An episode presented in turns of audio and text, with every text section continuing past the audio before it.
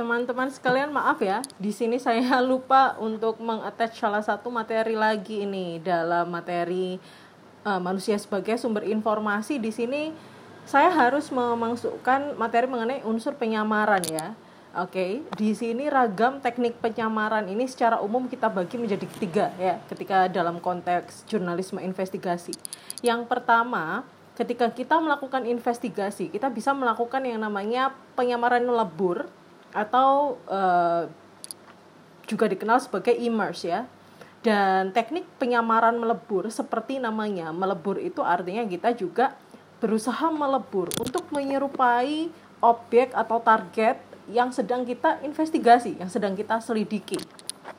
Teknik ini memang ini ya uh, bisa dibilang teknik yang risikonya paling tinggi, tapi hasilnya juga yang paling menjanjikan karena di sini kita bisa terjun langsung untuk melebur mengetahui suatu aktivitas. Oleh karena itu, teknik uh, penyamaran melebur ini sering kali digunakan untuk menangkap bahasa, untuk ngegap gitu ya, suatu aktivitas. Misalnya tentang peredaran narkoba, uh, seperti aksi-aksi kriminal dan ilegal yang lainnya. Mungkin di sini banyak sekali ya, uh, nggak perlu saya ceritakan apa namanya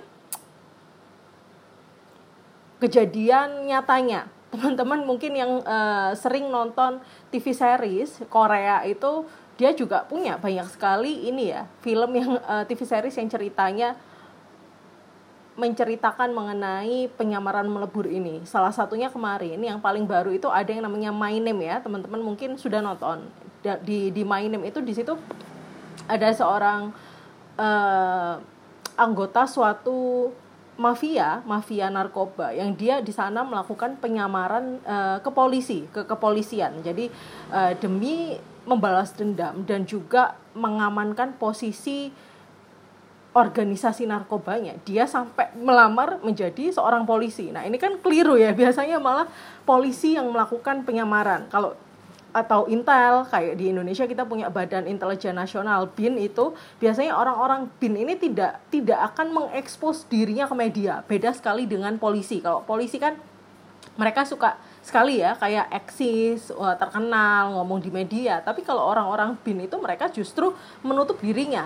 Bahkan kantor bin aja di setiap daerah itu tidak ditunjukkan nggak ada di Google itu ibaratnya uh, dia ada alamatnya tapi ketika kita pergi ke sana nggak ada tulisan jelas Badan Intelijen Nasional misalnya cabang Surabaya atau tingkat daerah Jawa Timur. Itu nggak ada. Karena apa? Karena memang dalam bin itu sengaja para intel ini bergerak melebur ke dalam masyarakat ke dalam target-target sesuai dengan apa yang sedang diincar apa yang sedang diinvestigasi.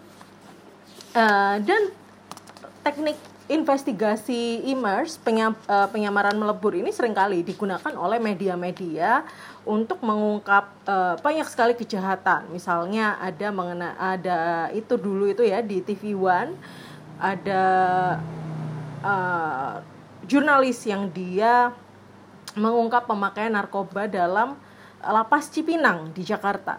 Jadi di, mereka ini uh, mempersuasif ya berusaha mempengaruhi salah satu narapidana untuk membawa kamera tersembunyi di balik bajunya.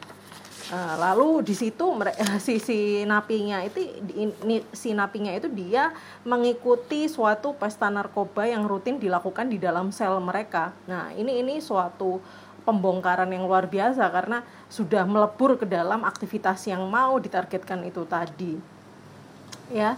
Lalu misalnya apalagi ya yang menjadi uh, penyamaran penyamaran melebur itu. Misalnya ada juga um, in, liputan investigasi dulu ada di RCTI yaitu uh, teman-teman itu sangat terkenal ada TK, uh, liputan tentang TKI ilegal ya peliputan investigasi tentang bagaimana meng, mengirimkan TKI secara ilegal. Jadi ada dua reporter RCTI itu mereka menyamar sebagai TKI dan di sana dia bisa berinteraksi dengan para calo yang merekrut para TKI TKI ilegal ini berapa uang yang mereka minta dan bagaimana prosedurnya uh, juga akhirnya di situ kelihatan ya para stakeholder atau pemangku kepentingan yang mengirim para TKI ilegal itu seperti apa. Nah itu akhirnya sangat uh, apa namanya mengecoh ya bukan mengecoh itu sangat akhirnya menjadi trigger para polisi untuk bertindak. Jadi wah ternyata jurnalis saja mereka bisa ya melakukan pembongkaran. Ini adalah wilayah yang seharusnya dilakukan oleh aparat penegak hukum. Kenapa saya ketinggalan? Pengungkapan apa, pengungkapan kejadian-kejadian insiden seperti ini itu banyak sekali yang akhirnya men-trigger para APH aparat penegak hukum untuk akhirnya mereka melakukan investigasi lebih lanjut dari temuan si jurnalis itu sendiri. Oke, itu untuk penyamaran melebur ya. Jadi di sana kita benar-benar menyamar menyerupai target. Kita mau menginvestigasi apa ya, kita di situ harus melebur menjadi uh, target yang kita selidiki itu seperti itu. Lalu yang kedua adalah penyamaran menempel atau embedded ya. Embed atau embedded ini kita di sini ini ya menyamarkan diri kita sebagai bagian dari kelompok tertentu yang tetap punya akses akhirnya untuk berinteraksi dengan objek yang diinvestigasi. Jadi misalnya kita tahu kalau ada uh, suatu penjahat yang dia sudah masuk penjara ya, dia sudah di apa namanya menjalani hukuman, uh, maka itu akan mustahil untuk para jurnalis bisa wawancara sama mereka. Nah, untuk melakukan itu ada dulu itu uh, Nezar Patria ya teman-teman ya. Mungkin pernah dengar Nezar Patria itu dulu masih bekerja untuk Tempo dan dia waktu itu menyamar menjadi keluarga napi narapidana pelaku bom Bali 1 jadi bom Bali 1 itu terjadi ketika Oktober 2002 mungkin teman-teman baru lahir ya ketika itu ya. Jadi saat itu ada ledakan yang sangat dahsyat di Legian Bali yang uh, menewaskan banyak uh, ratusan turis ya, terutama turis internasional dari Australia. Nah, salah uh, beberapa terorisnya itu sudah dimasukkan dalam penjara. Sayangnya sebagai jurnalis kita tidak punya dong akses untuk mewawancarai mereka. Nah, akhirnya bagaimana mewawancarai ketika kita putar otak ada salah satu strategi yang bisa kita gunakan yaitu embed uh, atau penyamaran menempel ini. Di situ Pak Nezar ini dia mengaku sebagai keluarga dari uh, salah satu napi untuk membesuk uh, jadi dia di sana juga ditemani sama pengacaranya si ini pengacaranya siapa napi ini uh, itu akan sangat lebih mudah kita lakukan. Kalau kita ini ya punya orang yang punya orang dalam bukan orang dalam. Maksudnya orang yang juga berkepentingan dalam hal ini misalnya adalah pengacara si uh, si ini si tersangka kasus bom Bali ini. Jadi di situ tersangka juga akan bersaksi kalau ini adalah keluarga si uh, napi yang akhirnya diperbolehkan masuk dan melakukan akhirnya melakukan wawancara secara diam-diam seperti itu.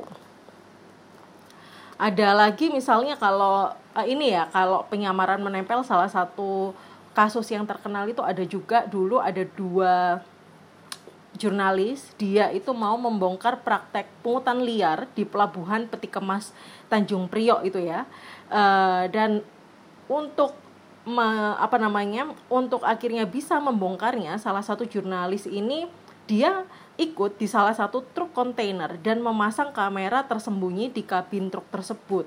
Dan satu kameramennya sedangkan yang lain merekam dari jauh. Jadi istilahnya di sana dia bisa menempelkan barang atau apa yang kemudian sama dia dia di sana mencari tempat-tempat yang strategis yang biasanya ter, uh, terjadi pungli yang sudah dia sudah mendapatkan bocoran di mana lokasi-lokasi tersebut uh, untuk ditinggal. Jadi di sini kita tidak melebur untuk menyamar jadi bagian tersebut ya. Ini beda dengan penyamaran melebur tersebut. Ini ibaratnya masih kita hanya menempel lah ya, menempelkan sesuatu kita memberikan suatu apa ya uh, memberikan suatu pengakuan uh, kalau kita misalnya bagian dari tim peti kemas tersebut lalu kita datang ke sana hanya untuk me, apa namanya meletakkan barang atau hanya untuk misalnya berinteraksi dengan beberapa orang di sana. Lalu kita tinggal seperti itu. Jadi di sana kita tidak melebur secara uh, ekstrim ya. Lalu yang ketiga uh, yang terakhir adalah penyamaran berjarak di sini kita melakukan pemantauan langsung ya ke lapangan tapi objek itu tidak merasakan kehadiran kita ya karena kita nggak mengaku ibaratnya seperti itu. Ini di sini kita lakukan dengan cara memasang jarak secara sosiologis atau psikologis. Jadi ketika misalnya kita mau uh, menginvestigasi kasusnya Nur Hadi kemarin ya kasusnya Nur Hadi itu kan uh, dirjen pajak yang ditengarai menerima suap senilai uh, eh, 2 miliar dan 5 miliar itu kan ternyata dia mempunyai uh, villa ya di Jogja villanya ada beberapa uh, terletak di dua lokasi nah jurnalis ini bisa menyamar sebagai ya orang-orang biasa yang menanyakan villa ya. Jadi dia menanyakan ke lokasi sekitar villa yang kita curigai itu dimiliki oleh si dirjen pajak itu. Lalu kita di sana tanya-tanya, "Bu, katanya di sini misalnya kalian mancing-mancing aja. Di sini ada ini ya, ada villa dijual saya dengar." Oh, enggak, uh, kita, uh, itu villa apa namanya itu villanya nggak dijual nanti di situ tetap kita lontarkan pertanyaan-pertanyaan basa-basi yang membuat uh, objek bicara orang yang sedang berbicara kita itu terpancing ya untuk memberikan informasi lebih banyak. Jadi pertanyaan-pertanyaan yang kita berikan itu bukan pertanyaan langsung, tapi pertanyaan pemancing uh, yang bisa membuat lawan bicara kita menceritakan memberikan informasi lebih banyak.